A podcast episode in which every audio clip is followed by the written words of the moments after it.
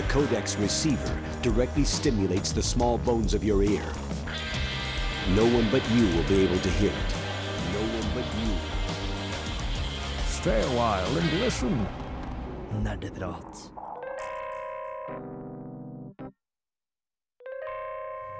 That's right. Det er på tide med en ny sending av Nerdeprat. Det er onsdag, klokka er fem, og vi er klar til å ta deg gjennom Eller ta deg gjennom starten på i kveld med noen deilig, deilig gamingprat. I studio med meg i dag så har vi bak teknikers- teknikerspakene. Torben! Og til min høyre side så starter vi litt i rad og rekke. Ja, Steinar! Vi prøver ennå å finne ut hva høyre og venstre er her i studio, ser du. Eller hører du? Og til hans eh, høyre side så er det Tor Magnus. Og til hans høyre side igjen så har vi en ny en, nemlig Martin.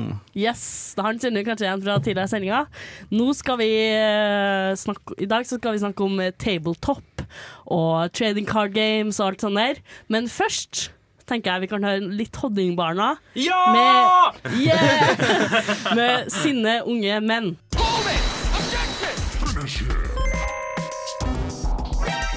Nerdeprat. Yes, det var Sinne unge menn av Honningbarna. Og først og fremst så må vi få ordna hva har vi egentlig spilt i det siste. Og da tenker jeg vi tar i det i omvendt rekkefølge fra før. Martin, hva har du ja. spilt i det siste? Um, jeg har ikke fått så veldig mye tid til å spille det siste, jeg er redd. Men um, det lille det har gått i, så har det gått i Overwatch. Som har sånn Halloween eh, special-bane hvor man skal prøve seg frem. Uh, så det er viktig å få de skin sammen som man kan. Um, og, ja, fordi de får det ikke ellers. ja, ikke sant? Med, med en gang perioden går ut i starten av november, så kan man ikke få de collectibles lenger. Nei. Så en god måte å tvinge meg til å spille det jeg spiller på, men eh, litt ærlig å være tilbake. Det er sykt kule skins òg, da. Ja, Så det det er er verdt å prøve å få dem, syns jeg. Absolutt. Ja. Um, og så har jeg spilt uh, litt grann Heartstone òg, Men det har uh, faktisk gått kun i, i Blizzard. Ja. Kun Blizzard. Ja. Og du trives godt med det? ja. Det, det er gode spill, da. Det, Ja. Og Heartstone tenker jeg at vi kan snakke litt om etterpå også. Så. Ja, det skal vi. Ja. Yes. Tor Magnus. Eh, jeg har faktisk spilt et uh, mobilspill i det siste. Oh. Uh, og det er veldig rart, for vi spiller jo som regel ikke mobilspill. Eh, jeg har spilt et sp- mobilspill som heter Mobius Final Fantasy. eh, som er en spin-off-tittel, der du skal på en måte bruke kort til å liksom samle opp spesielle krefter og på en måte slå fiender og gå videre til, til neste nivå og sånn, da. Ja. Eh, Så det er faktisk ganske digg. Var det en liten mini-lommehusk jeg hørte der?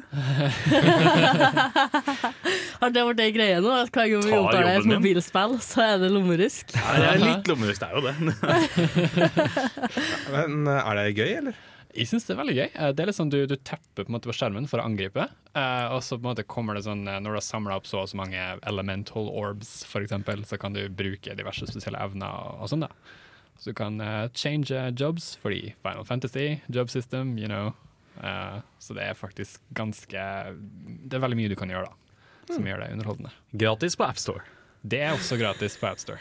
Ja. Jeg, jeg føler det er så skummelt med gratisspill, for de har ofte litt djelske metoder for å tjene penger. Hvordan eh, tjener de penger på dette? Jeg, jeg kjenner igjen tekkene. Det er sånn, du, du ser liksom at det er en timer som er på sånn 24 timer, som samler opp ressurser for det. Og nå i begynnelsen så får de jo selvfølgelig masse av disse ressursene. ikke sant? Vi, vi kjenner igjen uh, hvordan det er. Du, du går tom, og så vil du ha mer, og så finner du ut at jeg kan vente i 24 timer, eller jeg kan betale 14 kroner, you know. Så ja. Det var en ganske kjent programstilling problemstilling. Det er Yes. vel uh, the New Gamers eh, Ultimate Gamers dilemma. Skal jeg vente, eller skal jeg bare kjøpe meg det? Yes, ikke sant. Eh, Steinar? Ja, eh, jeg har også spilt en del mobilspill. Eh, jeg har spilt eh, Martin og veiver knyttneven mot meg, men det er fordi vi har en sånn intern krangel om mobilspill faktisk er gamerverdig. Nei! jo. Så jeg har spilt Fallout Shelter masse og kommet ganske langt. Nå har telefonen min begynt å klikke. Og jeg vil ikke tilbakestille telefonen min, bare for at jeg kommer til å miste progress. Så det er dilemmaet dilemma jeg står i akkurat nå. Får, jeg får Fallout Shelter var det spillet Fallout-spillet, selvfølgelig, hvor du har et sånt slags shelter. Ja, det er sånn bunkersystem eh, Ja. der du gjemmer mennesker og får dem til å arbeide for å lage kraft eller lage mat eller lage vann, sånn at du skal overleve lengst mulig i denne bunkertilværelsen. da. Så jeg har nå Litt fått over ett og et halvt, eh, nesten eh, halvannet år gammelt snart. Ja, det er det. Er det. Og nå har jeg klart å komme opp til 51 folk jeg har skjelta. Så jeg har begynt å få nuclear reactors og shit. Så jeg synes det er litt spennende. Derfor litt kjipt å måtte tilbakestille. Ellers har jeg spilt Overwatch uh, og litt Minecraft med min søster, som nå har fått seg gaming-laptop. Og det er vel det det har gått i akkurat det siste. Ja, for eh, Overwatch det er en litt artig historie. Fordi jeg og Steinar og noen nerdepratere vi spilte Overwatch her om dagen, og da møtte vi noen artige teams. Å, herre. En av dem Folk, var en all Roadhog-team, og det var irriterende, fordi Roadhog er en helt som kan heale seg sjøl. Så eh, det du ender opp med å få, da, er masse tanks som går rundt og bare suger damage og healer seg sjøl. Og så har du en Mercy som driver og kjører i bakgrunnen eh, noen gang, som bare liksom healer dem. Og, ja. Jeg, jeg føler det er litt som eh, den gamle følelsen av når man spiller en Starcraft 2 multiplayer-kamp, og så plutselig begynner motstanderen å snakke bare koreansk, og så vet du at du har tapt bare fordi Ja, en annen historie om lag som bare velger én player. Og det, det var et helt lag som bare gikk Mercy. Mercy er en karakter som kan resurrecte folk hvis de dør, eller kan heale dem. Eh, Så når laget bare besto av Mercies, så betyr det at de resurrecta seg selv hele forbanna tida, så ingen døde. Uansett hvor god man blir, så sies det at det alltid vil være en asiater i en kjeller et sted som er bedre enn det. ja. ja, men det som er greia med Overwatch, det er en del russere òg, vet du. Ja, det er det. Saria-spilleren hans. Come, come to get you. Ja, men er overraskende bra, da. Ja, jeg, Jeg spilt Det- ganske mye Jeg prøvde meg litt på Saria i det siste. Hun er dritbra, egentlig. Ah, nei, men uh, før vi går videre til, Torben, til Torben og meg, så tenker jeg vi skal høre enda en låt. Nå skal vi høre Vi holder oss litt uh, rockete. Nå skal vi høre eh, Bright Lights av Slutface her på Radio Revolt. Look!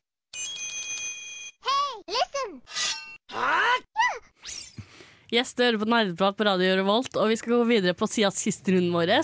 Torben, Ja. har du spilt noe? Jeg har faktisk spilt noe siden sist.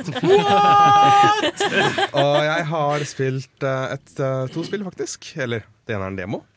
Men det ene jeg har spilt, faktisk i spillet, heter Klang. Oi, er det? Og det er eh, de som har fulgt med nerdeprat lang tid, vet at Bård bet seg merke i dette spillet for, eh, på Norwegian Game Awards for eh, noen år siden.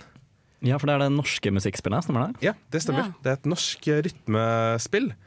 En slags, eller skal det er kanskje riktig kalle det en rytmeplattformer. For okay. samtidig som du skal bevege deg til venstre og høyre og hoppe og sånt, da skal du også ta og eh, angripe i forskjellige retninger i takt eh, med musikken. Og iblant skal du også hoppe og dukke ned i takt med musikken. Sånn Dance Dance Revolution bare med combat. Ja, på en måte. På en og, plattform. og plattforming. Animasjonen så nesten litt sånn ut. Ja.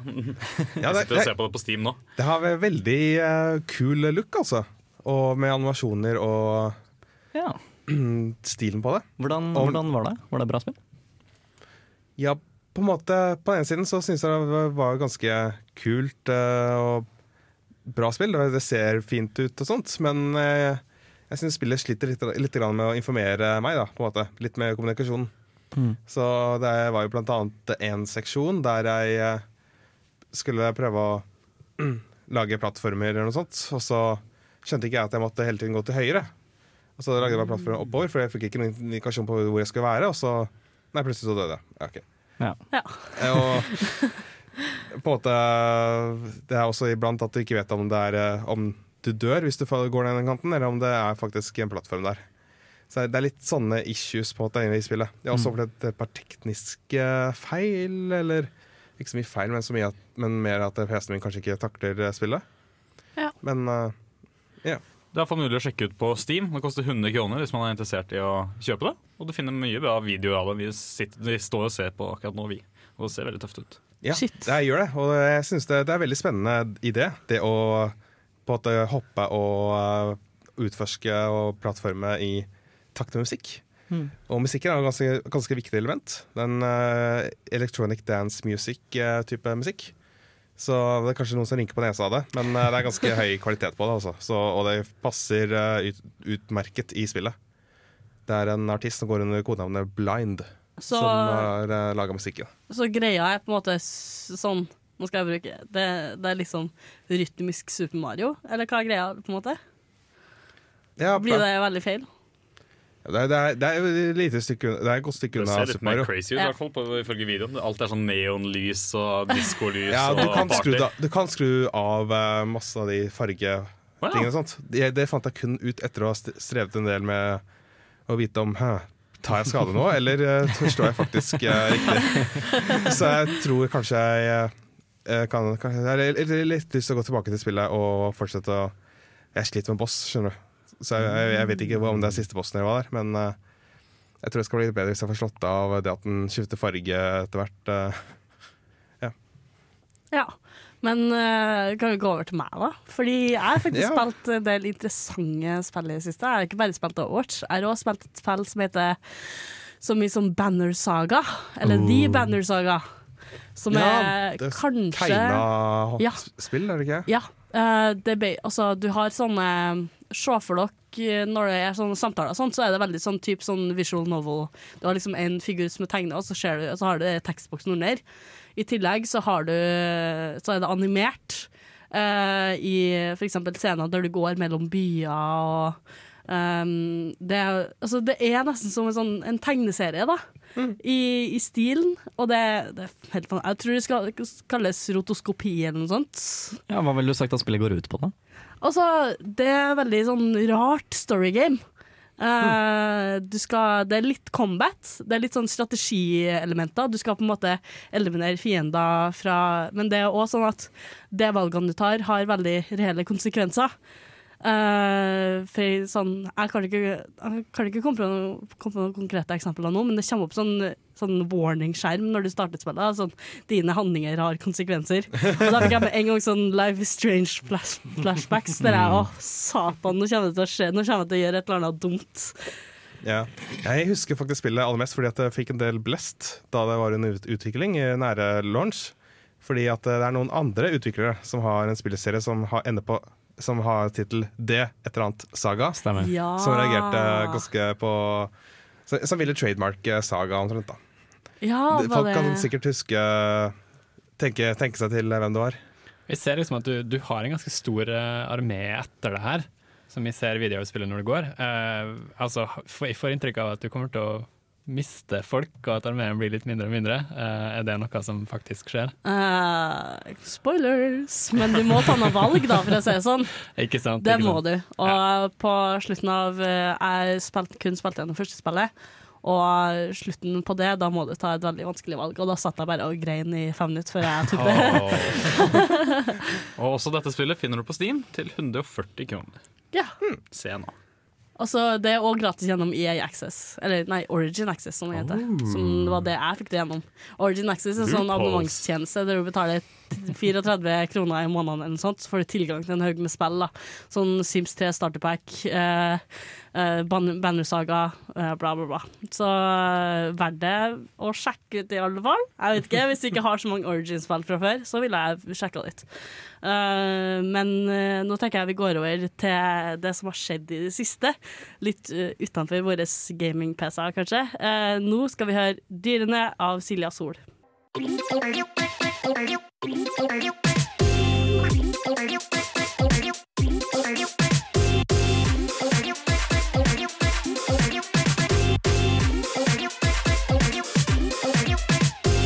Nerdenytt. Yes, nå er det endelig på tide med nyheter. Hva har skjedd siste TM? Nei, altså, det har skjedd ganske mye. Vi skal snakke litt om Studio Ghibli, der eh, color-designeren har dessverre dødd. Vi skal snakke litt om Battlefield 1, som har kommet ut. Det er ganske big. Vi skal inn på en ny expansion i eh, storspillet Final Fantasy 14. Vi skal snakke litt om Pokémon Sun and Moon, som har fått veldig mye datamining av demoet. Eh, og så skal jeg reklamere litt for en eh, liten eh, anime som jeg kommer nærmere på snart. Eh, og så skal vi inn på en, en rød bakgrunn. Rockstar.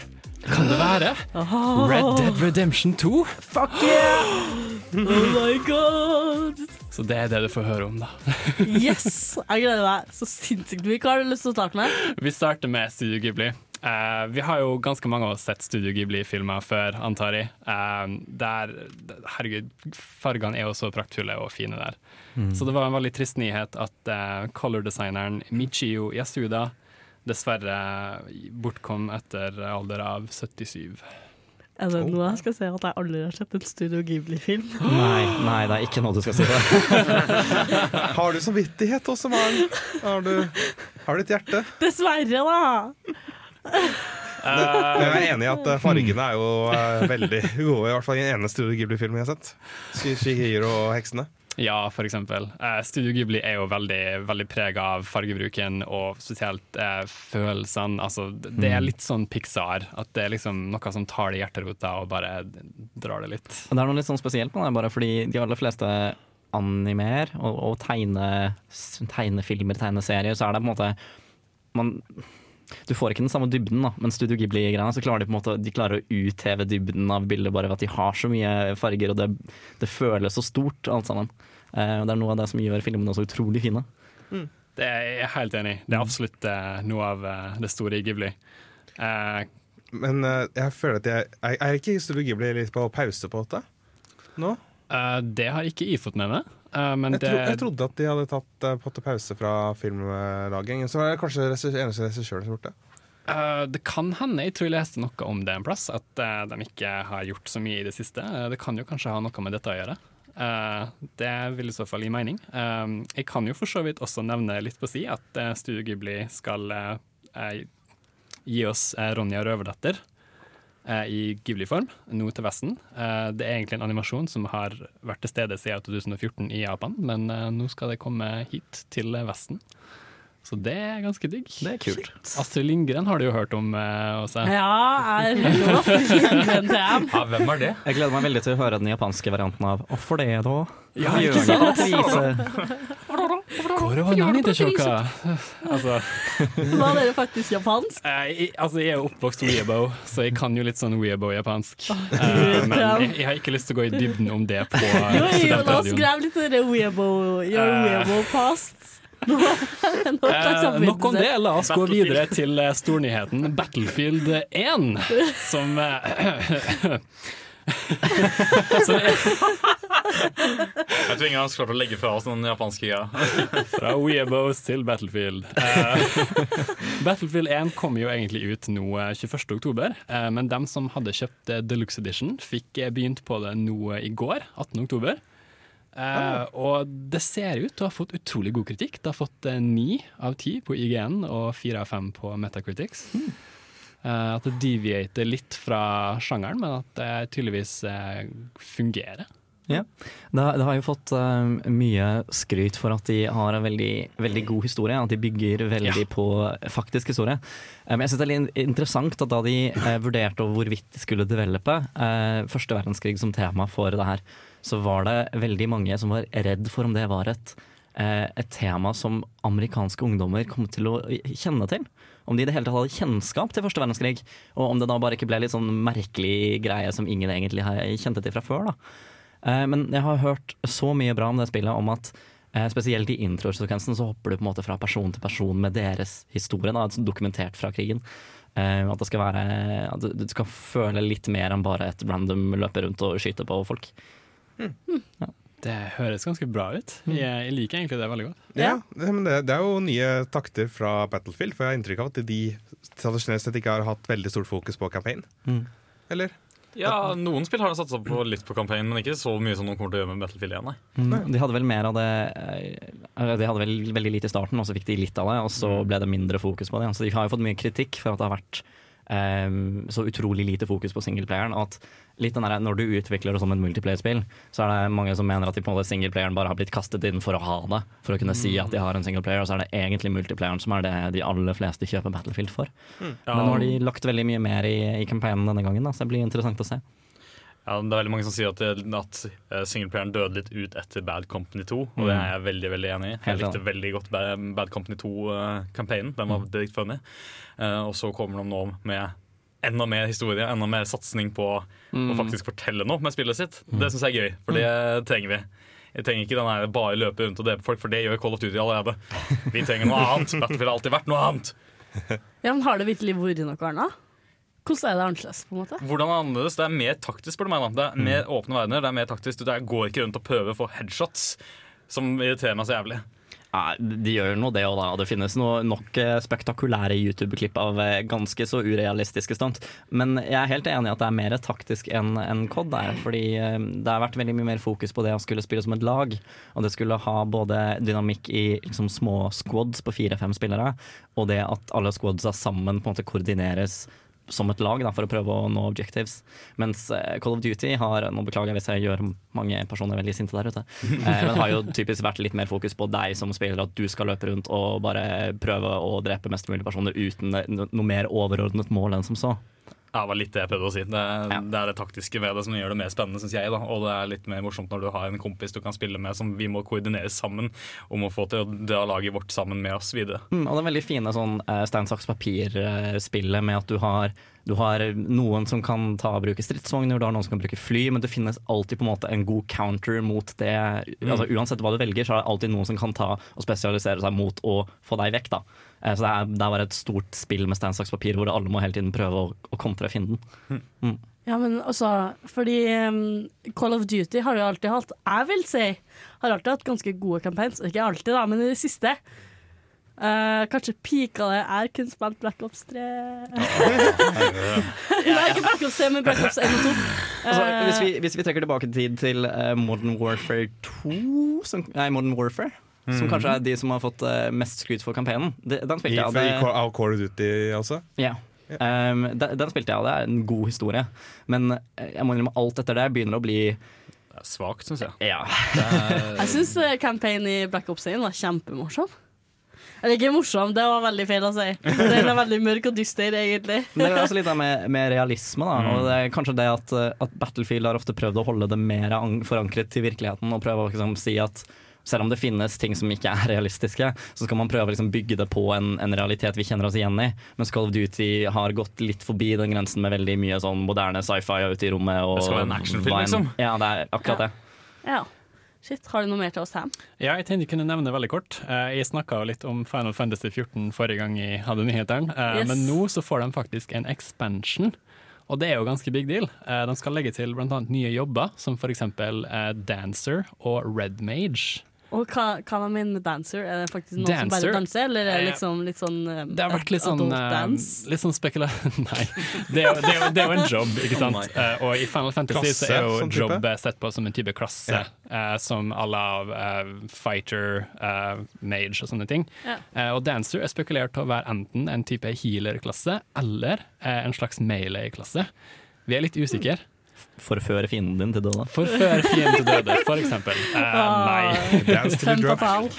I, eh, I traileren så var det faktisk eh, en, et lite klipp mellom en danser og en munk som eksisterer fra før, som hadde en liten utveksling av uh, melee combat. Så mest sannsynlig så er det en ny melee-klasse som skal komme. Shit. Det er neste sommer. uh, vi får se det. Ja, men vi skal ha mer nyheter etter at vi har hørt på en liten nydelig Bon Iver, som jeg er så utrolig glad i. For nå skal vi nemlig høre 33 God. This is listening to Galaxy News Radio, bringing you the truth, no matter how bad it hurts. Yes, det var Bon Iver med 33 God. Og nå skal vi ha enda flere nyheter her i Nerdeprat på Radio Revolt. TM, take it away. Det stemmer. Uh, Pokémon Sun and Moon har vært veldig, uh, veldig oppe frem og tilbake i lufta nå. Uh, Demon har jo kommet ut. Ja, det- den, den spilte jeg i dag morges. Ja, Sjøl har jeg prøvd den litt. Grann. Hva du syns om, om den, Torben? Jeg syns Demon var eh, den var, det var grei nok den, Ja. på det den viste fram, men uh, du merker at de har på en måte bare låst ned alle ting, fjerna masse ting fra fullversjonen av spillet. Yeah. For, for en som ikke har noe særlig annet forhold til Pokémon enn Pokémon Gull på Gameboy Advance og Pokémon Go, hva er Pokémon eh, Sun Moon? Altså, Har du spilt Pokémon Gold, så har du jo spilt andre generasjon. Du trenger ikke å spille noe mer, da. Å ja, Det- ok. Nei da. Altså, det. jo da, jo da. jo da Nå, nå gjorde sikkert veldig mange sinte. Inkludert Um, meg. ja, meg òg. Pokémon Sun and Moon er den nye generasjonen eh, i Pokémon. Eh, som ut, Hovedspillene, eh, rett og slett. Ja, nye hovedspillet, som kommer ut eh, den 23. november Og her de- i Europa. Mm. De foregår i Alola, Yes, Alola-regionen. som er basert på Hawaii. Yes. Surprise. Eh, og nå, eh, etter at dette demoet er kommet ut, så har jo folk drevet og datamina hele skitten ut av det. Så vi har jo fått informasjon om hele Pokédexen, vi har fått informasjon om eh, de siste formene til starterutviklingene. Eh, vi har fått vite så å si alt. Eh, Men, så kan, hvorfor ligger all den dataen der inne i demoen? Du kan jo Ja, ikke finne alle? Pokémon i demoen. Tror du ikke det er litt med vilje? Altså, Kanskje. hello. Gi folk en liten utfordring og spre nyhetene. Herregud, nå er det jo enda mer blest om det. Jeg tror kanskje de kjenner Pokémon-communityen såpass godt at de regnet med at det kommer til å bli gjort uansett. Ja. Men nå er det jo så nærme release, tenker jeg, at de bryr seg kanskje ikke. Fint lite PR-stunt, tror jeg. Ja, det vil jeg tro. tro. Hvor lang tid er det til release? Eh, 23. november, og så nå er det 19. Da er det sånn ca. en måned. Ja. Så det er ikke Åh. lenge til. Det blir glede. Bare begynne å spare alle studenter. Kan nevne at For dem som eh, spiller demoen, så får du en Ash Greninja, som liksom er fra serien, som du kan ta med deg videre inn i spillet. Som får et lite special move, så det er jo kult. Vent litt. Får du en Pokémon i demoen som du får med deg i spillet? Riktig. Jeg vet hva jeg gjør når jeg kommer hjem. Ja. Ja. Men uh, sønnen min det kjører på gammel 3DS, sant? ja, det gjør det. Yes. Eh, Jeg satt og spilte på den første 3DS-en som kom ut. Det, det er ikke noe problem. Ok, Nei, for jeg får alltid noia for at uh, Nintendo kommer til å slutte å gi ut spill til gamle 3DS-ene. Alt skal bli new 3D. Ja. Det var skuffende med Xenoblade. Jeg tar det at det ikke kommer til Game Boy Advancen, min. Jo, jo, jo, helt klart. Helt klart. Ikke gi mannen håp. Jeg fant en, en kinesisk bootleg. Å, forresten, snakk om kinesiske bootlegs. Rask liten av, altså, Rask liten sånn uh, side note. Har dere sett uh, på, dere, på YouTube så ligger det en serie om noen som har funnet en sånn vietnamesisk Pokémon, Crystal. Eh, og da spiller jeg meg gjennom det, og oversettelser er noe av det artigste jeg har sett i hele mitt liv. Det er helt fantastisk. Bare søk Vietnamese Pokémon Crystal på YouTube. Fantastisk. Uansett, tilbake. Ja. Thank you. Vil jeg veldig kort også nevne at Pokémon Generations, som er en anime-serie som tar for seg på en måte hele generasjonene med Pokémon i femminutters episoder, er en greie. Eh, hvis du ikke har sett det, så burde du absolutt gå på YouTube og sjekke det ut, for eh, nostalgiens skyld. Det er Noted. blast from the past.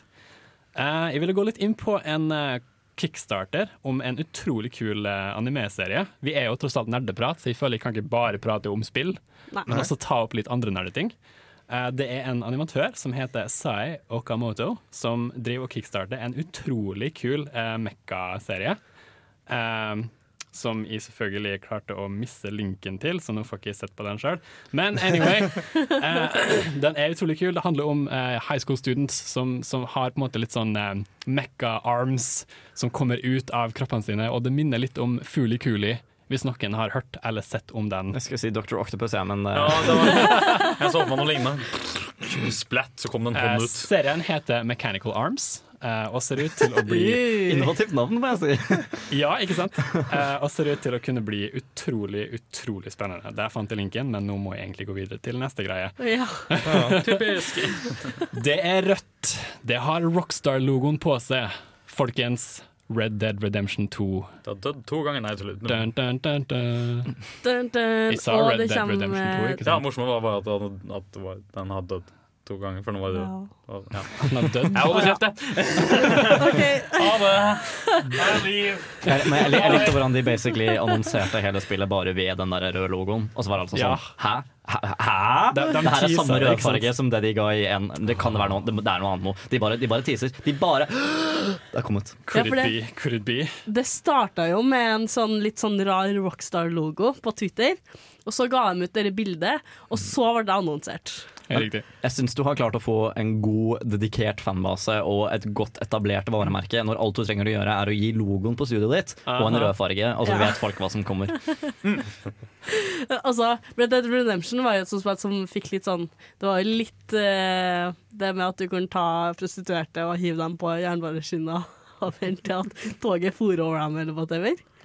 Jeg tror vi gjør forskjellige ting i spillene våre også, Maren, men Maren kunne gjøre det. Og det jeg har hørt, da Jeg har aldri spilt Red Dead Redemption sjøl. Jeg sverger, jeg har ikke spilt Red Dead Redemption og gått og drept prostituerte. Sant det? Fordi kommer Red Dead Redemption 2 på PC? Eh, Så langt så står det bare at det er til Xbox One og PS4. Ah, What? Eh, og det er også ganske lenge til det kommer ut. Det står fall 2017, så det er jo et helt år omtrent. Men det kommer en trailer 20. oktober. Ja, det stemmer. Det vil si i morgen? eh, Det er jo i morgen. De, De har annonsert trailer. Ja, det har Wow. faktisk. Det står det på dere hjemsida til promosida deres Yes. trailer comes eh, October 20th. Så Spanende. Spanende. For de som ikke kjenner til Rockstars, er jo dem som står for den store GTA Grand Theft Auto-serien. Eh, så det er absolutt et eh, veldig stort eh, Ja, for Red Dead, Rem Red Dead, Red Dead, Red Dead Redemption er vel kanskje bare eh, GTA eh, i Ville Vesten. Ja, cowboy GTA, Ja. essentially. Hvis du husker den scenen fra Back to the Future der du, der du rir, så er det ja, der har du det. Grand Theft Horse, Grand Theft Horsey. fordi auto står for bil. Ba back to the Redemption GTA Future Du er ganger to.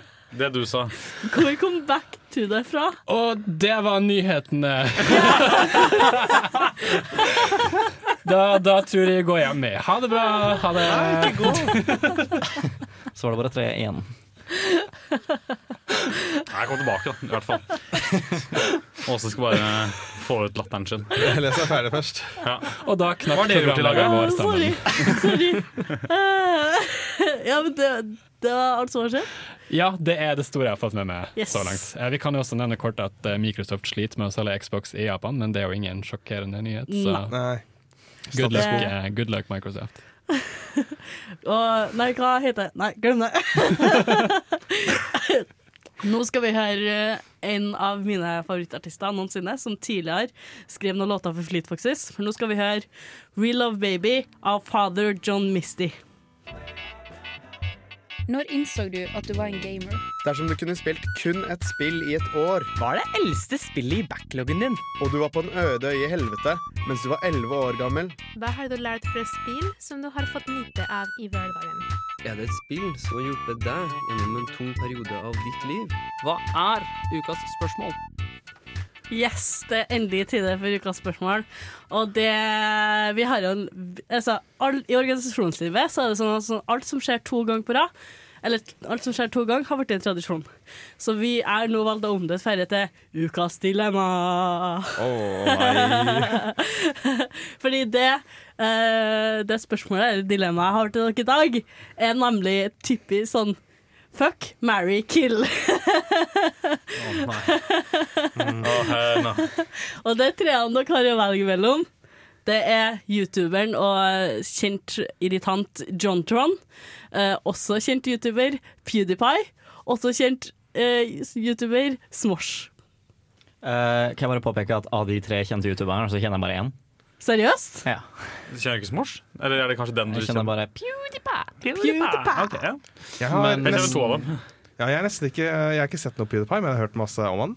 Uh, Jontron kan jeg ikke, har ikke hørt noe Jo, kanskje Er det han som har hatt noen sånne listevideoer med pap papegøye med røde øyne?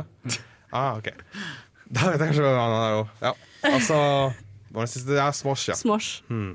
Men vi skulle velge én av de, det var dilemmaet. Nei, dilemmaet er fuck, marry, kill. Hvem har du lyst til å ligge med? Jeg vet ikke hva det betyr. Hvem, hvem vil du ha deg med? Hvem vil du ta livet av? Og hvem vil du Oh. gifte deg med? er spørsmålet av disse folkene. It's all coming back to me now. Nei, å nei! Jeg ikke si at det kommer tilbake. Det er litt skummelt når du skal fuck, marry or kill. Og kandidatene deres, altså Jontron, han er en ganske kjent youtuber som lager sånne ganske lange videoer på, på sånne gamle sånne retrospill. da.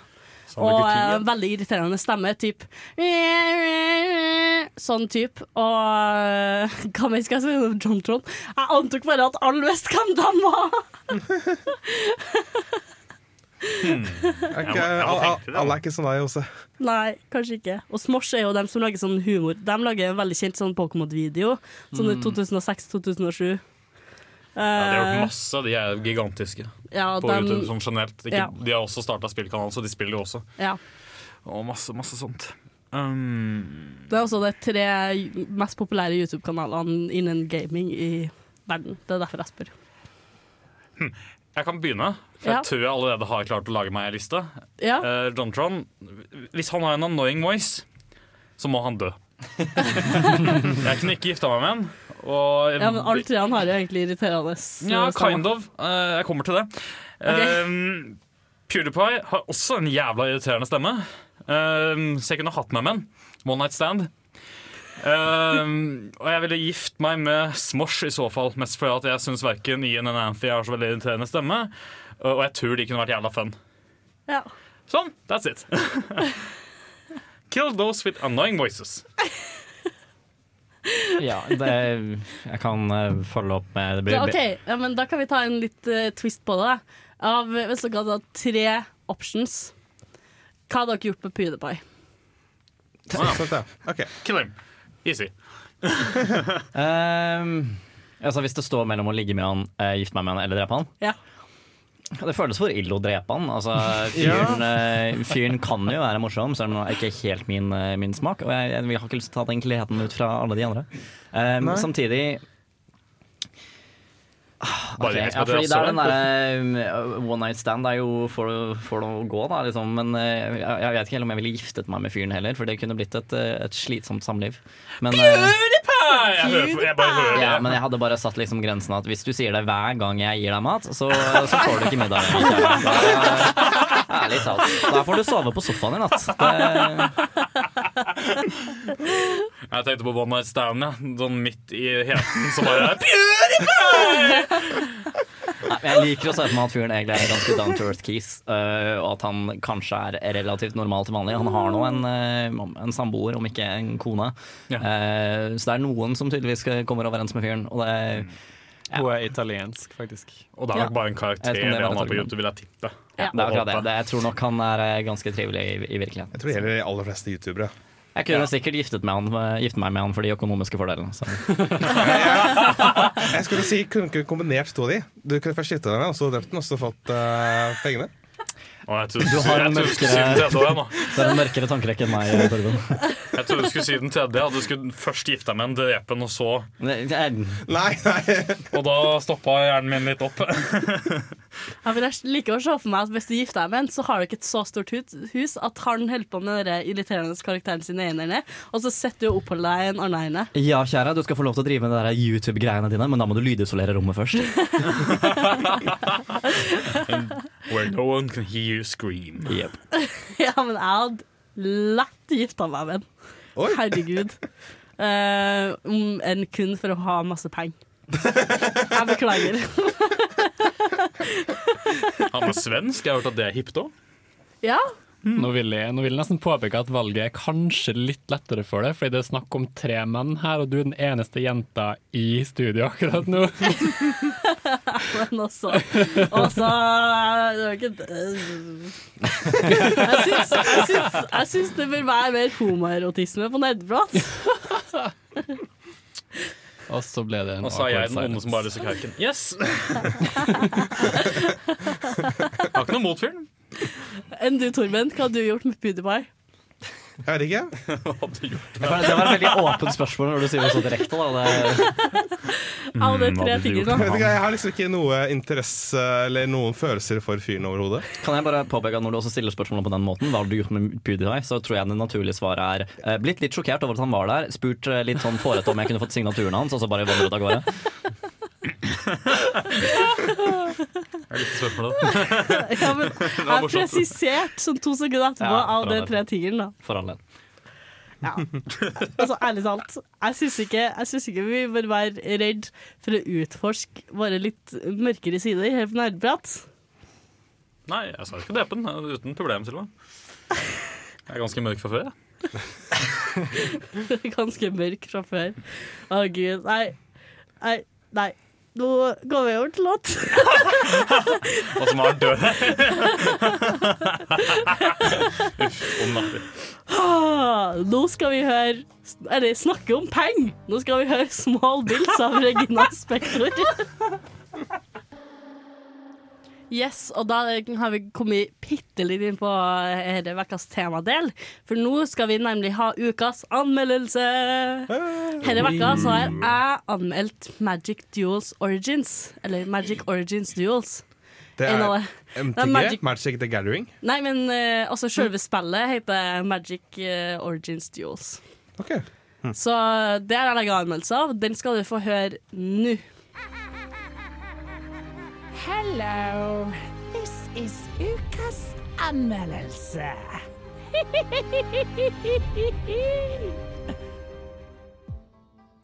Magic the Gathering har hatt en rekke årlige utgivelser siden 2009. Litt sånn artige, konsentrerte opplevelser som lar spillerne eksperimentere med et sett kort fra moderspillet.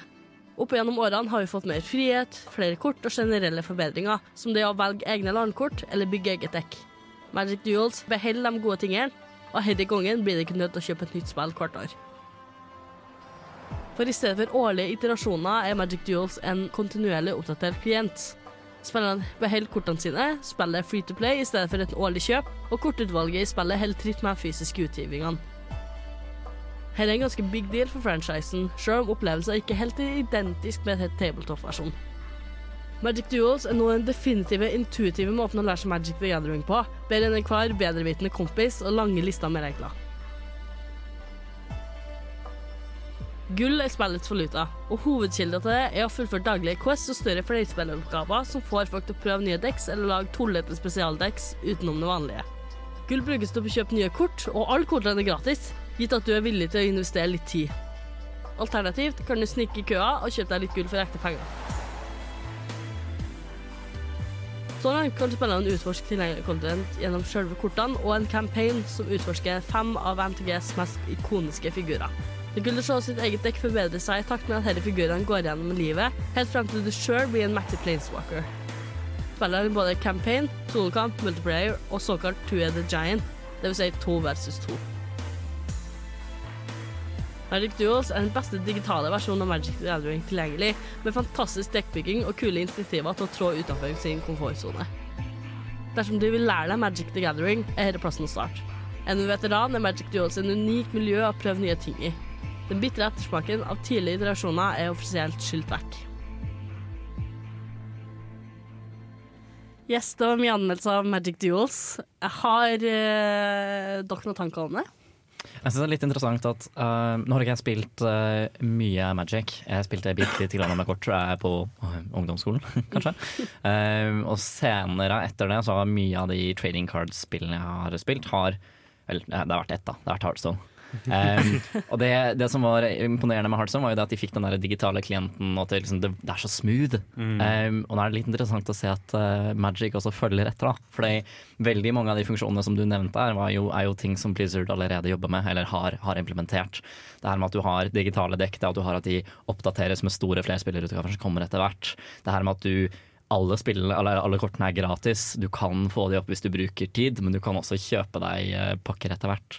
Så det viser vel bare litt at den, eh, den suksessen som Blizzard klarte å gjøre med Heartstone, også begynner å spre seg litt til de andre trading card-spillene i, i samme sjangeren. Ja. Um, for selv om Heartstone kanskje er en litt sånn forenkla, hyggelig uh, barneversjon av Magic, så ser Magic at de innovasjonene som de har kommet med også da er, er ønsket. da. Ja, for det er definitivt det er en sånn Det er en merkbar sånn 'nå skal vi gjøre det som funker'-vibe med Magic Duos. Og så hele konseptet er jo Det har jo en forankring i det virkelige spillet. Mm. Men hele hvordan det fungerer, og hvordan community er og sånn, det er jo rett og slett en, hva vi kan kalle en heartstone-like. Er det, er det et inntrykk er det vi skal innføre? Men jeg, jeg syns det er veldig fint ja, at, de, at de tillater seg, å- seg å gjøre det. For jeg regner jo med at de kommer til å få høre det eh, fra andre som kanskje er mer investert i de spillene her enn det jeg er. Eh, men jeg syns det er veldig fint at de tør å på en måte se hva som fungerer, og så bruke det videre og, og implementere det og så jobbe på det videre også. At det ikke er på en måte en sånn vi vil holde oss for gode for det. Ja. Mm. Jeg har litt inntrykk av at Magic the Gathering er spill kortspill er ganske vanskelig å digitalisere. på en måte For det er så mange forskjellige regler, og det er eh, For eksempel så har du et type kort som heter Instance, som du kan kaste egentlig når som helst. Men, men du kan også kaste som en respons på hver enkelt ting som motspilleren gjør. Men skal da et digitalspill ta, ta og liksom spørre deg hele tiden Reagerer du på dette her? Reagerer du på dette her? Reagerer du på dette her? For at det, har, har de rett og slett bare på en måte bygd Starta med blanke ark, og så bare tatt de elementene fra Magic the Gathering-kortspillet som, fun som fungerer greit i digitalt format? Eller hvordan har de gått fra meg. Altså, det, det, så det, den digitale versjonen, Magic Duels, er veldig, veldig likt eh, den tradisjonelle versjonen. Eh, det har, du har det med at du kan stoppe timeren for å eksempel Oi, shit, nå har du declare blockers, eksempel. Og da kan du legge på en instant, og så kan du reagere på det. da Så det er veldig lagt opp til at du skal reagere der og der og der og der, og der Og være veldig på, da. Eh, Ja, mitt problem med sånne samlekortspill eller sånne kortspill, fysiske kortspill er gjerne det at jeg syns det er veldig vanskelig å lære meg reglene. For det er så ekstremt mange kort med ekstremt mye du kan gjøre. Um, Derav syns jeg Heartstone var dødkult fordi det var automatisert. Jeg tenker at det kan også være tøft for meg, da, som ikke har tida holdt på å si, og interessen til å lære meg alle kortene, å spille uh, dette spillet på PC-en min. For da er vel alt litt automatisert, vil jeg tro. At hvis jeg legger kortet, så skjer det som står på kortet for meg. Ja. Og da får jeg se fysisk hva som faktisk skjer. Ja, fordi det er veldig um, Det er lagt opp til at du skal lære deg det. Det er Mm. det. Du har såkalte skill quests i Magic Duels som er sånn Oi, nå skjedde det der. Nå brukte du en instant, eksempel. Vil du spille gjennom en egen tutorial for det? Ah. I stedet for at det er én tutorial, så kan du velge å spille tutorialen underveis. Det er jo dritt clever, da. Ja. Jeg synes det blir interessant å se eh, hvordan det her appellerer til eh, folk som f.eks. Steinar, som Mm. ikke har spilt så mye Magic, men som kanskje kunne tenkt seg å prøve det. Ja, Mm, jeg regner også meg selv blant dem. Mm. Eh, og hvor mye det vil appellere til de som kanskje har brukt ti år på å oppdatere hele mappa si med alle kortene, og så plutselig kommer det en digital versjon, og så er man litt sånn Hæ?! Men får jeg disse kortene digitalt, eller har man nå brukt ti år på å samle inn noe som man ikke lenger får tilgjengelig? Ja, jeg også lurer på det der med at Eller jeg tror, tror de kan nå ganske bredt ut med dette. Fordi at Mm. en stor ankepunkt med Magic the Gathering er at mange av de Hvis du skal spille standardformat og sånt, så må du hele tiden oppdatere. Fordi at, eller oppdatere, kjøpe inn nye kort, fordi at de kortene du har, gjerne blir eh, ikke lenger kan spilles. Og at uh, når du uh, Hvis du skal spille et av disse formatene hvor du tillater kort langt tilbake i, tid, så er du nødt til å punge ut med flere tusenlapper for å få et eh, kort som er faktisk brukbart. Sånn at det ikke slik at kortstokken din ikke blir uh, på at utkjem, eller utkonkurrert av uh, noen andre som har brukt mer penger enn deg. Ja, for Det fascinerer meg litt, fordi Magic the Gathering er det kort de, de har et kort som heter Black Lotus. Som kanskje er det, det er bare så famøst utenfor Magic the Gathering, fordi det er utrolig sjeldent, og det selges for rundt 50 000 kroner. Eh, de har en kopi av Black Lotus på Outland i Oslo. Som står inni en monter med den prislappen på 49 999. Eh, og jeg bare tenker at det er litt kjipt hvis man har investert i et sånt kort, eller fått et sånt kort fra en samlepakke, hvor uendelig usannsynlig det er. Og så plutselig sitter alle sammen og spiller digitalklienten, og du er litt sånn Men se på super-imba-kortet mitt, hvorfor vil ingen spille mot meg? um, ja, min, min sånn turnoff på sånne typer kortspill er nettopp det at jeg må fysisk gå ned, kjøpe en kortpakke, og så samle på dem i lengre tid. Mm. Mens her får jeg jo da muligheten til å spille over tid, og så gaine kort. Sånn jeg forstår det. Litt sånn som Hearthstone er at hvis du spiller og gjør oppdrag, så får du etter hvert kortpakker. Ja. Ja, For da er det mye mer interessant for meg enn at jeg må hele tiden punge ut, som det heter. Det hovedkilda, nevnte det, hovedkilda til gull, som du kjøper, kort, eller kjøper boosters med, da, altså pakker, med er jo sånne små oppdrag. Eller så er det en campaign der du spiller gjennom på en måte storyen til fem av de mest ikoniske karakterene. Du har Gideon Jura, du har uh, Nissa Ravain Det var litt sånn avsporing, men uh, Martin står og rister på Jeg trodde du sa Nissan et øyeblikk, så jeg var sånn Eh, men du samler jo opp en del gull etter hvert, da. Som du b- bruker til å kjøpe sånne boosters. Og det virker mye mer attraktivt for meg enn å eh, faktisk måtte bruke ekte penger på det, i, herme, i hermetegn. Så du spiller både mot eh, computerspillere, men også kan du spille mot andre menneskelige spillere? Ja. Mm. Og da er det jo denne multiplayeren som jeg snakker om, det kan snakke, der du kan eh, battle sånn én mot én, eller to mot to, da. Og så et, er et lite spørsmål. Ja. Er det like tilfredsstillende som i, Hearth, i Hearthstone å åpne opp boostere? Ja. ja. Viktig. Det er det. Altså, jeg vil, jeg vil si at eh, det jeg fikk mest glede ut av i det spillet, det var faktisk å åpne boosters. Så hva jeg fikk. Og min første booster så fikk jeg en Mythic Rare, altså det mest eh, det vanskeligste Eller det beste kortene. da. Så det var jeg jævlig stolt over. Wow, Så, legendary! Legendary. ja, men du skal høre Bite Hard av Frans Ferdinand her på Radio Rolt. Radida til bardaga. Ja, ra ra radida. Ja, vil til bardaga. Nerdeprat på Radio Revolt! Ja! Ja! Og nå skal vi Nå kommer vi over til det av temadelen, altså brettspill, eh, trading card games, that jazz. Og jeg tenker, Først har jeg litt lyst til å snakke om på en måte, For jeg delte opp dette i litt sånne deler, nemlig.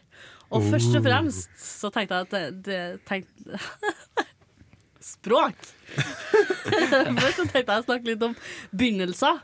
Og Da tenkte jeg å spørre dere Hva var deres første møte? Ja, Ja, nei, det var antakeligvis Ludo. Vårt første møte med brettspill. ja. Det var nok Ludo på uh, familietur. Men uh, hvis vi snakker litt mer uh, altså skikkelige spill for nå, Ja. jeg skal, Ludo er et brettspill, men Ludo er ikke et, et skikkelig brettspill. Skal du hate på det òg, nå som du hater på mobilspill òg? Unnskyld eh, meg. Jeg tenker de første som eh, Jeg spilte mye Monopol i ungdommen. eh, men sånn Cluedo var en, en familietradisjon vi hadde. Spill. Cluedo foran peisen i stua hjemme, og så snakket vi om hvem som hadde myrdet hvem på kjøkkenet. Og det, det var veldig god stemning. Eh, så Cluedo er kanskje mitt første liksom inngangen i brettspillverden. ja. Ja. TM. Uh, altså det er jo e- egentlig ikke et brettspill, men jeg har veldig gode minner av Rummikub med moderen. Eh, Rumikub. ja, Det er egentlig ikke et brettspill, men du har et sånt brett foran det, og så på en måte skal du samle diverse tall og på en måte forme forskjellige mønster ute på bordet. Og så den første som blir kvitt alle tallene sine, vinner. Det er en tabletop. Det er det. Det er tabletop. Det er tabletop. Vi kan uh, så- dra den, den veien. Yes, da telles det. Men, eh, men, men jeg, jeg vil helt klart snakke om Dungeons and Dragons, men det, det må jeg dessverre ta en annen gang. Ja. Dessverre, TM. Du får holde deg litt i skinnet Ja. Ah, I'll try, I'll try. Ja. Steinar. Uh, første bettspill jeg var borti, det var stigespill. For vi, uh, jeg var mer glad i det enn ludo. Ludo var jeg ikke noe glad i, faktisk. Men det var på andre sida av ludobrettet, gjerne. Så da var det stigespill jeg gikk i. Eh, men i senere tid, jeg digger eh, Monopol. Jeg er en grisk faen, eh, og setter veldig pris på monopolspillet i, det, i den forstand. Um, og så er jeg veldig glad i Risk, fordi jeg elsker strategispill. Så Risk er jo et kongestrategispill å ha kompisene med på, og så klikker du over at terningkast ikke fungerer som du ville. Det er død. Men det er jo litt risky. Å, ah. Jeg, jeg, jeg, jeg har lyst til å diskutere hvor, hvor strategisk risk er når den terningen ikke vil la meg invadere Indonesia med 23 tropper. Ja, ja, Men ja. eh, ja. Det er den terningen som ødelegger litt det. Men uh, utenom det så er det dritgøy. Uh, og så til slutt så vil jeg også kaste litt på Cluedo. Syns det er fantastisk. Love it. Nei, vi eh, hos oss, eller min familie det, det er, Jeg tror nok det er mye sånn, i likhet med Steinar og også Martin her, at det er ludo slash stigespill som var mitt første møte med, med brettspill. Og mye av brettspillet sånn som jeg har spilt, føler jeg kommer litt fra Danmark, faktisk. Fordi jeg har en dansk far, så vi har derfor en, hatt en tradisjon om å dra til Danmark i, på sommertur i, med campingvognen.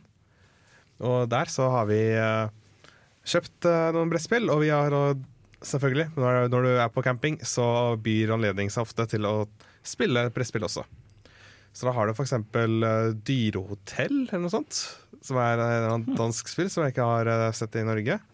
Det er også Danmarksspillet, som vi har eh, spilt, som eh, hvor du eh, på en måte har et Danmark-kart, og så skal du reise har, får, en, får en liste over byer som du skal besøke. Og så skal du reise rundt og besøke de byene. Tøft. Eh, jeg vil bare nevne igjen at jeg likte ikke ludo før jeg ble 18. Og Oi. wonder why. Jeg fikk drikke ludo, og det er dritgøy. det er fortsatt kjempegøy med shotglass. Å nei! Jo, det er ikke. dritgøy. Det gjør at ludo faktisk er verdt det. Åh, nei, jeg må bare nevne veldig kjapt at uh, i Trøndelagen, eller der jeg kommer fra, så kalles dette lekkaludo. Lekka-ludo. Etter plassen Lekka i Nord-Trøndelag. Hva er dette for noe dialekt? For der er det vanlig å løpe rundt i sirkler og så fange seg inn i midten, eller hva er det som skjer på Lekka? Som, Altså, jeg skal ikke spekulere i hva som skjer på Leka, men uh, Og jeg har veldig sterke minner av å ha spilt det med rein sånn uh, rein akevitt. Det var ikke Mm, moro. Mm, ja. men uh, annet enn enn akevitt, eh, Lekka Ludo, hva er, du, uh, hva er dine første minner med brettspillet? Mine Eller var det ditt første minne? Som barn. Nei, mitt første, mitt første møte med brettspill var faktisk at du spilte en uh, og Den forsvunne diamant på hytta. Ja, fader, det hadde jeg helt glemt. Jeg. Ja, det husker jeg veldig godt. Det, det, det er et spill der du skal gå rundt på et brett, eller et kart av Afrika, da. og så skal du vende brikker. Og så skal du satse på at en av de brikkene er diamanten, sånn at, og så skal du levere den til en av to byer da, der du kom fra. Og eh, det er jo veldig sånn Det er jo typ sånn ludospill. Det er veldig enkelt. Sant? Det er ikke sånn veldig sånn Men det har en historie. Ja, det har det. Men eh, jeg, ordentlige, første ordentlige i uh, brettspillet jeg spilte, var faktisk Risk. da Mm. Når jeg var tolv, så spilte jeg på lag med pappa på Risk. Og så ble det Settlers of Catan, da, naturligvis. Åh, det, oh, det er gøy, det. Åh, det, er gøy, det. Oh. Det at mitt første møte med Settlers of Catan er din uh, Star Trek-utgave av Settlers of Catan. Også. da jeg flytta hit uh, til Trondheim og ble med i Nederprat. Kommer ikke én episode unna. Ja, det må nevnes. Ta og skyt meg. Kan jeg spørre hva det heter bare ut av interesse? Settlers of the Intergalactic Space? Nei, det heter bare Star Trek Settlers. Ah, ja, okay. of, nei, Settlers Skuffa. of uh, Mm. Å, nå ble jeg kjempeusikker, men du kan bare google Settlers of Catan Star Trek, så kommer det opp. Det er kjempegenialt. Det er planeter i stedet for brikker, sant? Altså, ja, Nå ser Steinar veldig Jeg har lyst på Settlers of the Dark Side eller noe i den duren. Det, det har But, but hey, Star Wars is pretty cool. Bare, ja. Say Star Trek-fan. Just supporting my buddy. oh, nei, men Det var artig å høre deres eh, første møter med det. Tenker Vi går over til låt før vi begynner å snakke om eh, Før vi går litt frem i tiden. uh, med tidsbåten vår. For nå skal vi Tidsbåt? Jeg hopper i Tardisen, jeg. Kan dere ta båten? Nå skal vi høre 'Snow Over Northmore' fra Daggerfall-soundtracket. Forskning påviser at ti av ti italienske rørleggere blir tilfredsstilt av nerdeprat på Radio Revolt.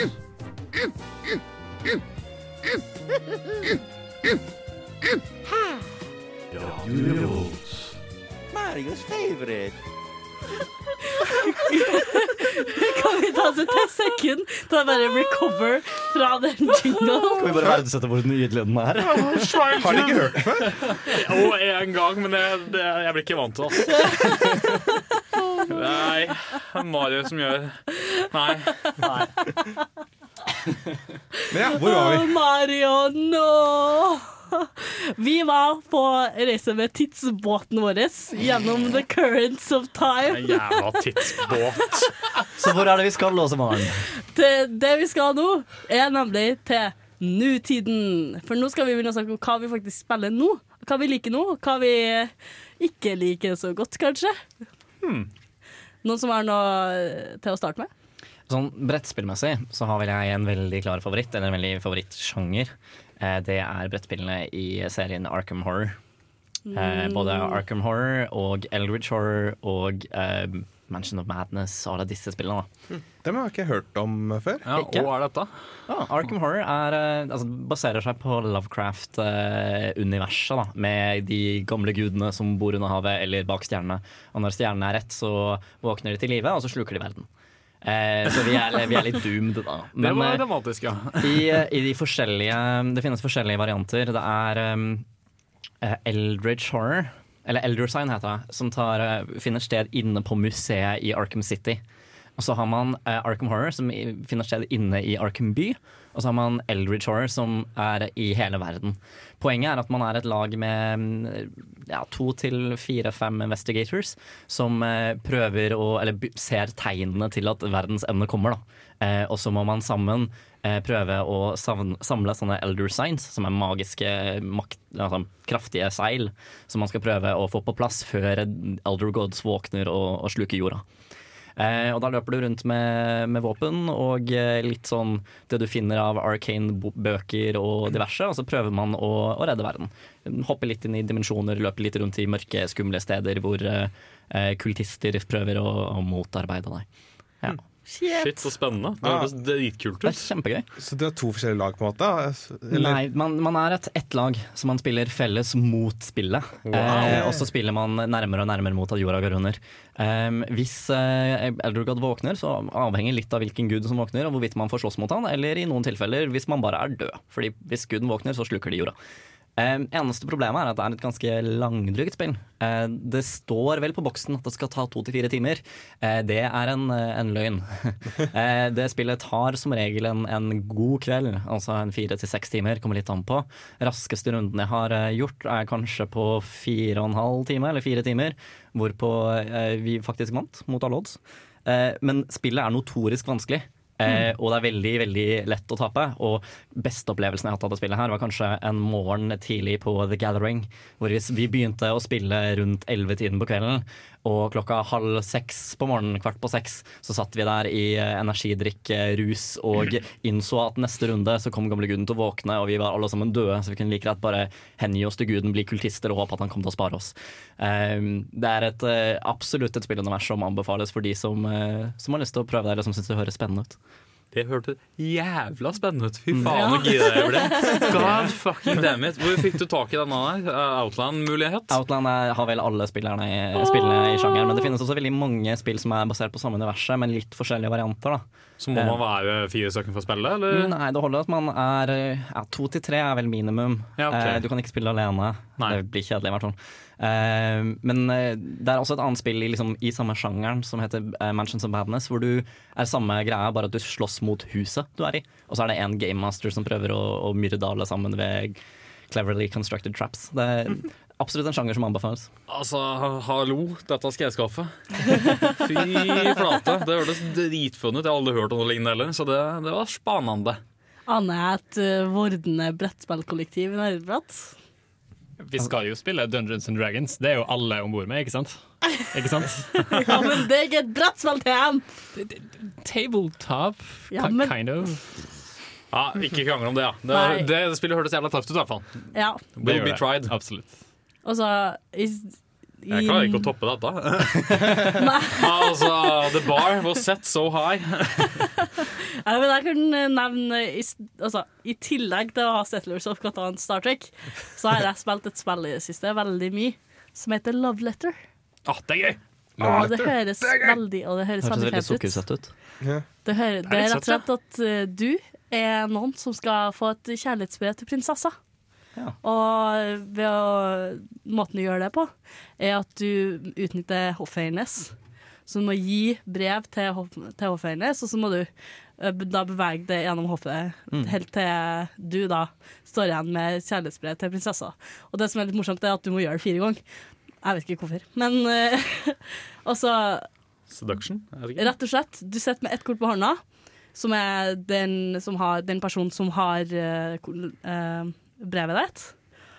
Og så skal du trekke opp et ny en, og så skal du velge hvordan du skal spille.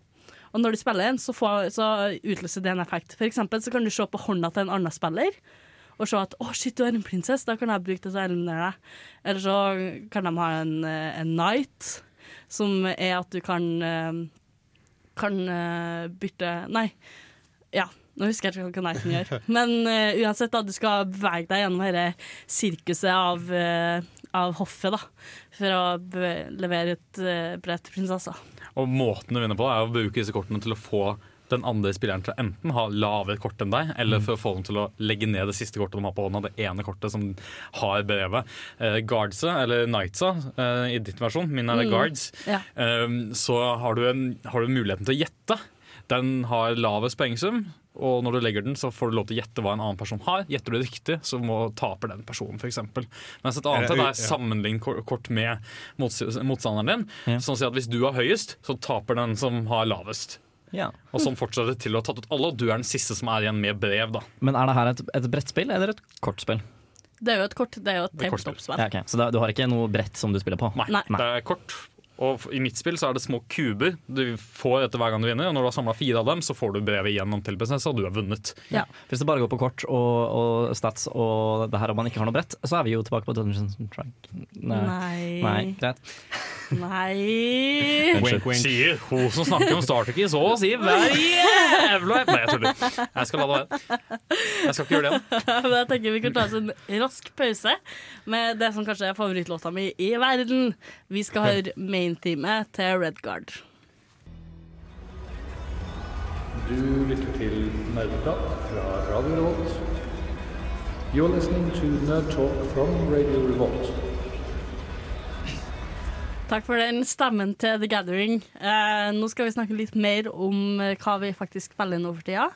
Eh, Martin, Mm. du er jo en uh, endless fountain av uh, dette spillet. Brettspill, skal du si. Ja, for jeg, jeg, nå har jeg snakket veldig mye om Lovecraft-universspillene. Um, Ar Arkham Horror, Mansion Madness, alle de her. Og så har du sånn Portrayal the House on the Hill og de som jeg nevnte i stad. I tillegg så har du jo um, spill som Pandemic.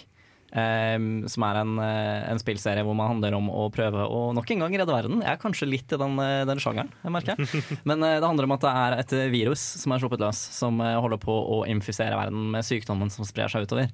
Og så jobber man sammen som et, et lag for å prøve å uh, bekjempe sykdommen. Det er, for de som har spilt Plague Inc., så er det på en måte si. Plague Inc. er den motsatte varianten hvor du er sykehuset og skal smitte verden. Her er det du som er ekspertene som skal redde jorda.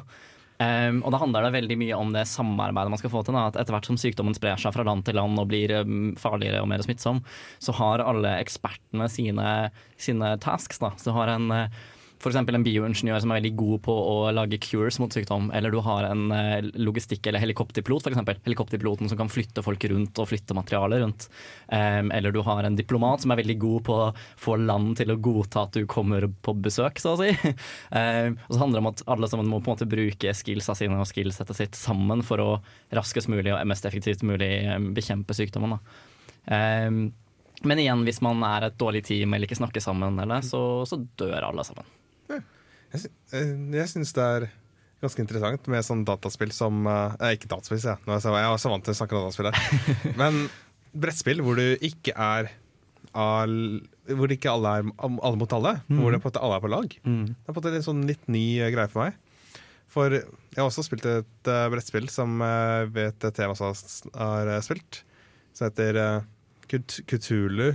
Eh, ikke Kutulu, men du Mun Munchkin. Kultur Edition. Jeg har ikke spilt Couture Edition, Ah. men jeg har spilt Munchkin. Og det, er gans det, det liker jeg ganske godt, altså. Ja, for Munchkin det går jo ut på Du har flere versjoner av Munchkin. Du har et, en eh, brettspillversjon, og så har du en kortversjon. Ja. Er det ikke sånn? Hm, jeg har kun spilt kortversjonen. Ja.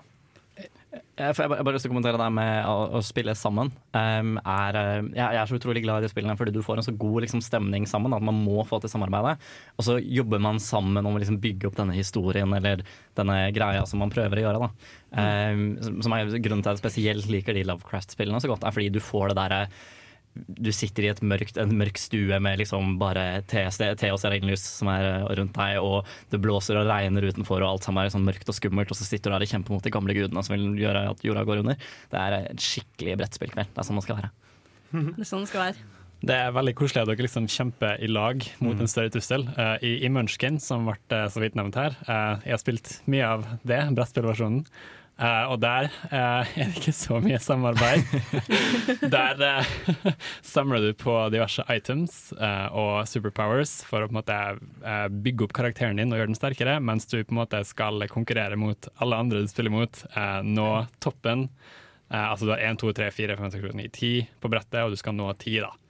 Eh, og du skal Du kan backstabbe vennene dine, du kan f.eks. lage allianser hvis du vil det, og bare si screw you, jeg har lyst til å vinne. Bye. Men min erfaring med de spillene er at jeg syns det er kjempemorsomt å spille Mhm. Munchkin når jeg vinner. Ja, Eh, jeg synes det, jeg synes det er veldig morsomt å spille Munchkin når jeg får sånne våpen som du kan sette sammen. Så jeg til slutt sitter der med en laser, dazer, phaser, banana for phaser som liksom knuser alt. Kneecaps of allure. Ja. Men uh, problemet mitt med de spillene er at uh, alle sammen sitter og spiller seg Man jobber litt sammen i starten, og så begynner noen å bli veldig mektige, og så begynner man å rakke ned på den personen. Mhm. Og når alle sammen har kastet alt de kan på brettet for å hindre den personen fra å vinne denne runden, så kommer turen til nestemann, som så bare vandrer pent inn i mål, for ingen har noe å kaste på dem lenger. Og da er det på en måte, det handler om å ikke ikke komme på førsteplass helt i starten, men å komme på andreplass. Sånn at førsteplassen blir slått ut, og du vandrer i mål. Det er, det er et sånt mønster som jeg syns preger de spillene veldig mye. Da. Det gjelder å være litt slu, fordi Mm. på en måte, hvis du gir fra deg alt du har med en gang, så Mm. sitter du igjen og har no tricks up your sleeve. Mm. Ikke sant? Men har du en bitte liten uh, enchantment ring som kan uh, dispelle et eller annet curse, eller noe sånt, så kan du bare Oi, ops! Nei, men se på det. Nei, jeg vant i sted. Oi da, ja nei, så koselig. Men det, jeg synes, med Munchkin så er det litt artigere å spille kort, syns jeg. Fordi da er det lettere å skjule hvilket level du faktisk er. så hvis du sitter og er level 9, for eksempel, så er det sånn Folk må, folk må faktisk på en måte kalkulere det, mens på brettspillversjonen så er det på rom 9. Det der blir er litt sånn, unna. Det, eh, det vises veldig godt. Blir litt sånn poker, eh, pokerface, på en Ja. måte. Bare sånn Å ja, ops, jeg, var jeg var nesten på slutten. Det var, det var overraskende. Alternativt så sitter du med den motsatte med 'hei, kan noen hjelpe meg?' Sånn nei! Jeg aner ikke hvilken level du er. Aner ikke. Sitter på level 1 og bare. Ja, men det er et spill som jeg syns er veldig morsomt, der eh, man faktisk samarbeider. da Det er et, spill, det er et såkalt realtime-spill som heter Escape. Ja, Er det den hvor du har en sånn CD som du Ja. setter på? Ja. Eller så kan du bare finne det på YouTube. sant? Ja. Og da skal du rulle terninger. Og så må du rulle visse terninger for å komme deg til visse rom. Og så skal du samle såkalte emerald, eller sånn, sånn emeralds, da. Som du skal bruke til å komme deg ut, eventuelt på slutten av de ti minuttene. da. Og eh, det er mega Jeg har aldri spilt et så intenst brettspill. For du sitter og liksom Å, gud! Altså, nå fikk jeg en svart terning. Det betyr Da kan du ikke bruke den terningen, sant? Og da må jeg Å, er det noen okay. som har gul der? Kun fem svarte terninger akkurat nå. Noen som kan komme til dette rommet og hjelpe meg? Og så er det ingen som kan hjelpe deg. Og så står du bare Å, faen, jeg må komme ut! Jeg må komme ut! Og så kommer du deg ikke ut. Hva var det du sa det her het igjen? Escape! Utropstegn. Ja, er det der hvor du løper inn i en sånn hvelv som basically en Indiana Jones? Ja. Ja, stemmer. Det er basically Indiana Jones uh, Escape. The Ja, det, jeg synes det er interessant, for det finnes mange sånne spill som har eh, ja, sånn realtime-spill, hvor du har en CD eller noe som du setter på i bakgrunnen som du skal forholde deg til. Um, jeg har spilt et som heter eh, Fear, tror jeg. Eh, som gammelt, gammelt spill hvor du satte det i TV-en. Eh, og så tok det akkurat en time og 20 minutter, tror jeg. Eh, og etter, på sånn visse intervall underveis i spillet så skjer det ting på TV-en eh, som endrer historien på brettspillet, så du må reagere, reagere på det. da. Eh, mens i Escape så har du det her at du har en sånn musikk som går i bakgrunnen med liksom man, Det er veldig Indiana Jones, du skal inn i vel, eller du skal snike deg rundt i tapte templer og finne skatter. Eh, og så på et eller annet tidspunkt så begynner døra å lukke seg. Eh, og da må alle sammen komme seg ut, og hvis noen blir igjen, så taper alle sammen. Mm. Eh, men det er om å gjøre likevel få mest skatter, så du vil vente så sent som mulig. Men så har du den der satisfying lyden av eh, døra som sånn creaker igjen på slutten, og så sånn skikkelig sånn drum, Og da er du fanget inn, da. Det altså, det er en så fantastisk følelse når du akkurat kommer deg ut. Når du akkurat ruller det rette, Mm. og så kommer du deg akkurat ut. Du, kommer, du rekker ikke engang å røre på figuren din. Og man ser for seg akkurat. den Indiana Jones-sekvensen at han spurter inn og sklir under døra, Ja. og så akkurat får tak i hatten før eh, døra lukker seg. Nice. Nei, for det, det er litt spennende også. At det er et brettspill hvor du ikke bare kan sitte der på din egen tur og så vente, og så hva burde jeg gjøre nå? Og så tar du deg to minutters tenkepause. For det høres ut som du er nødt til å trille liksom, i, i sanntid, omtrent. Mm. Det er veldig, veldig intenst. Eh, Og det tar jo kun ti minutter. Så det er veldig godt sånn warm-up-spill. Det er rett og slett Å, vet ikke, vi har ikke kommet helt inn i den modusen ennå. Så vi spiller bare litt Escape, da. Mm. Kjempepraktisk. Um, men jo, jeg syns det er litt interessant hvordan det er flere spill som prøver å liksom um, bryte litt forbi denne brettspillsjangeren. Fordi vi har, altså, vi har kortspill, og så har vi brettspill med liksom brettet hvor du beveger deg rundt på kartet, og det er det. Um, og så begynner du å få spill som bryter sjangeren litt, sånn som Escape og Fear. Uh, og så har du jo flere og flere spill som kommer med companion apps. Uh, Ja. Hvis du kjøper litt sånn store, intrikate spill, hvor du har på en måte at uh, Jeg tror nyeste um, Eldritch Horror eller Mansions of Badness tror jeg det er, eh, kommer med en gratis companion-app, men som man må ha for å spille. For det er, det er en del av liksom inventoryet ditt og den delen der. Um, og det funker overraskende godt. Det er ikke sånn at det liksom ødelegger spillet. For jeg husker vi skaffet oss monopol med kredittkort da jeg var liten. skulle si- jeg skulle til å nevne. Mm. Ja, fordi det var liksom Jeg husker eh, ni år gamle meg var sånn Herregud, jeg har kredittkort og bankterminal, det er så kult! um, og jeg synes det var kjempegøy, for jeg fikk lov til å sitte her med den terminalen og taste liksom summene. Men alle andre sitter jo liksom bare med et plastkort, og så mister man den der gleden av å ha stabler på stabler med monopolsedler foran Mm. seg. Så det er jo det er en farlig vei å gå. Det, det å skulle digitalisere spillet ditt. Det, Ja. Men det kan også funke godt. Det kan også gjøre at eh, hvis du spiller, skal fi, finne fra dette spillet fra loftet om en 20 års tid, Mm. at ikke den, de appene lenger finnes eh, på eh, hva nå appstore som finnes da. Det er selvfølgelig også en mulighet. Ja. Så, Men eh, vi skal jo beveges litt videre gjøre tidsbåten vår. Through the tides of time. Men først så skal vi høre på Me Channel av Super Guitar Bros. Yes, og da skal vi, før vi beveger oss videre i tid, tidsvåten vår, ikke tidsvåten, som det er tulla med under låta, skal vi høre hva Steinar spiller for noe. For du har et spill som jeg òg er veldig glad i. Ja, jeg spiller en del Ticket to Ride. For det syns jeg er kjempespennende. Tog! Ja, tog! Og, og det er også litt sånn Litt strategisk, syns jeg. For jeg prøver å ta de rutene sånn at jeg fucker opp mest mulig for de andre spillerne. Jeg er litt den spilleren.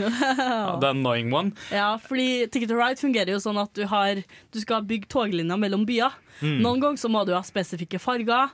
Noen ganger så er det to, noen ganger så er det tre, fire, fem, til og med seks enkelte ruter. Og da kan du enten velge å liksom bare bygge så langt du For du får visse tickets. Så eksempel fra Winnipeg til Los Angeles, da. Som du lager toget ut av fra Winnipeg til Los Angeles. Ja. Og Jo lenger du lager den, jo mer poeng får du.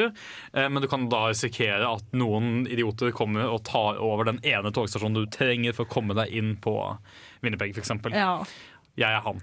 Ja, altså for eksempel den fra hva er det, den eh, fra Las Vegas til Los Angeles, eller noe Ja. sånt. Jeg Der er det kun én, for noen ganger så er det to linjer, sant? Mm. No, men noen steder så er det bare én. Jeg har bare spilt den europeiske versjonen. jeg. Så jeg synes det er interessant Når du begynte å nevne Winnipeg, så er jeg sånn Her er det Det er ikke en liten by i Russland, nei.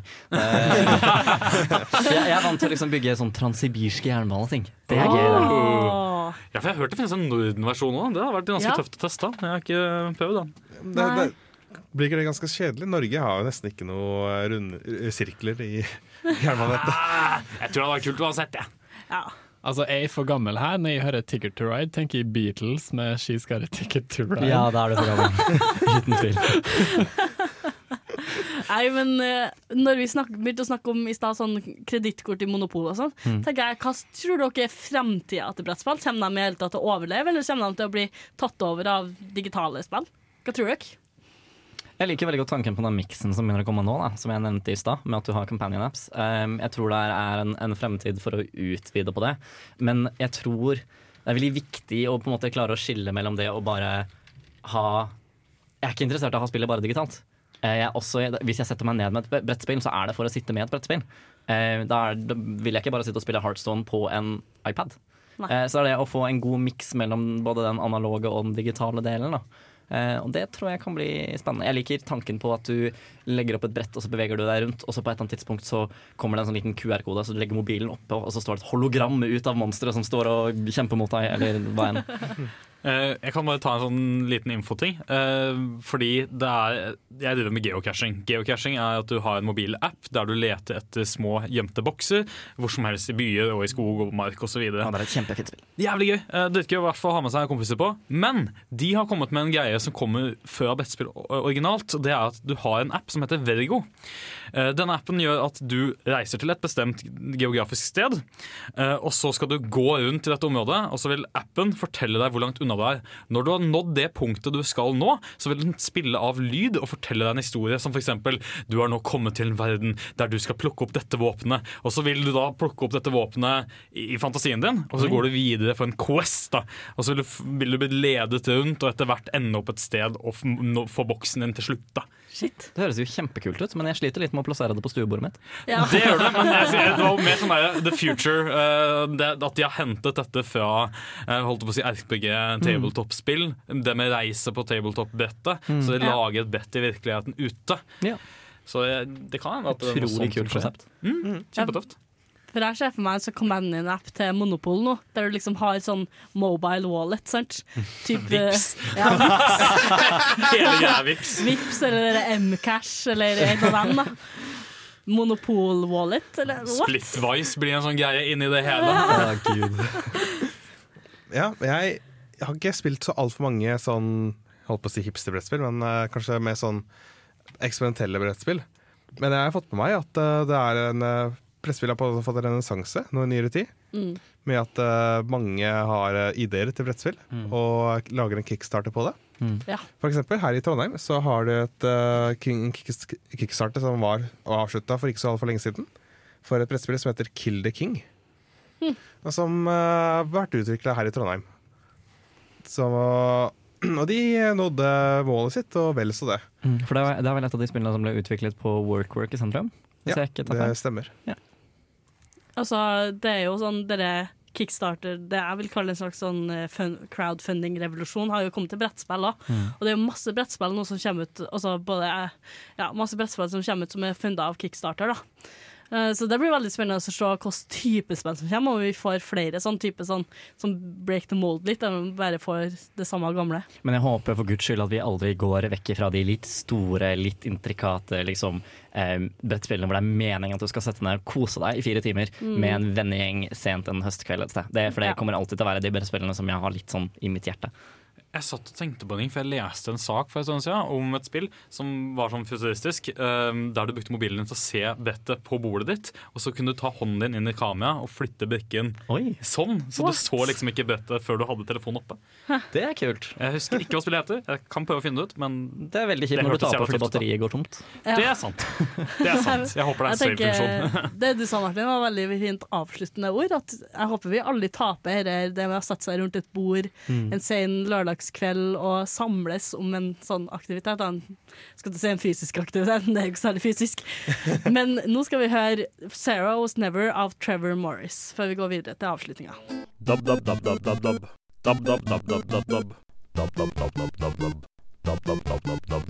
Nerdeprat er på DAB-radio. DAB DAB DAB Yes, det samme Du hører på Neglepod på Radio Revolt, og vi har endelig Ikke endelig. Finally! The end is near. Vi har omsider kommet til det, den triste avslutninga på denne ukas sending.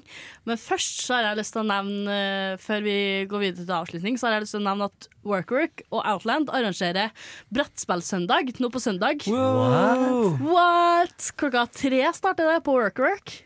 Håper Ja. å se alle der. Håper alle vet det, for dette blir, tror jeg blir et fantastisk arrangement.